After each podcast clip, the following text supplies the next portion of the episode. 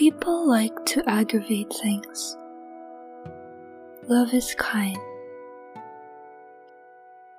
I am utterly in love with the concept of minimalism. I love doing nothing and taking the credit within that space. To make me feel like I am the center of the world, if only temporarily, is intoxicating. I want to scream on the top of my lungs. I am an indulgence, so indulge in me. Get consumed by the idea of me, the concept of me, the words that fall from my lips, the things I write. Immerse in the worlds I create for you, and you alone.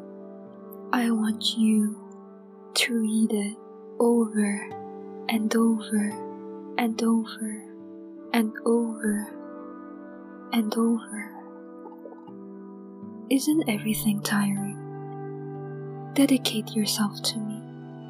Let me do all the chores you don't want to, all the hard work that leaves you crying at night. Indulge yourself in me.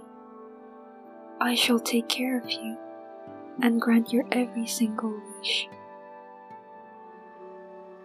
The concept of infallibility only exists because time exists.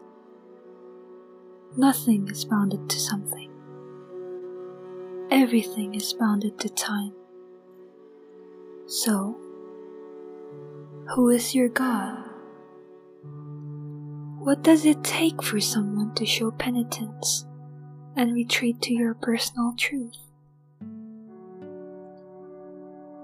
You don't need to lie around me. Every human to ever exist is selfish. We were, are, and will always be. It has always been like this, so really there is no reason to regret it now. Ergo, give me that beautiful smile of yours. Have you ever thought that perhaps I want to indulge in something too?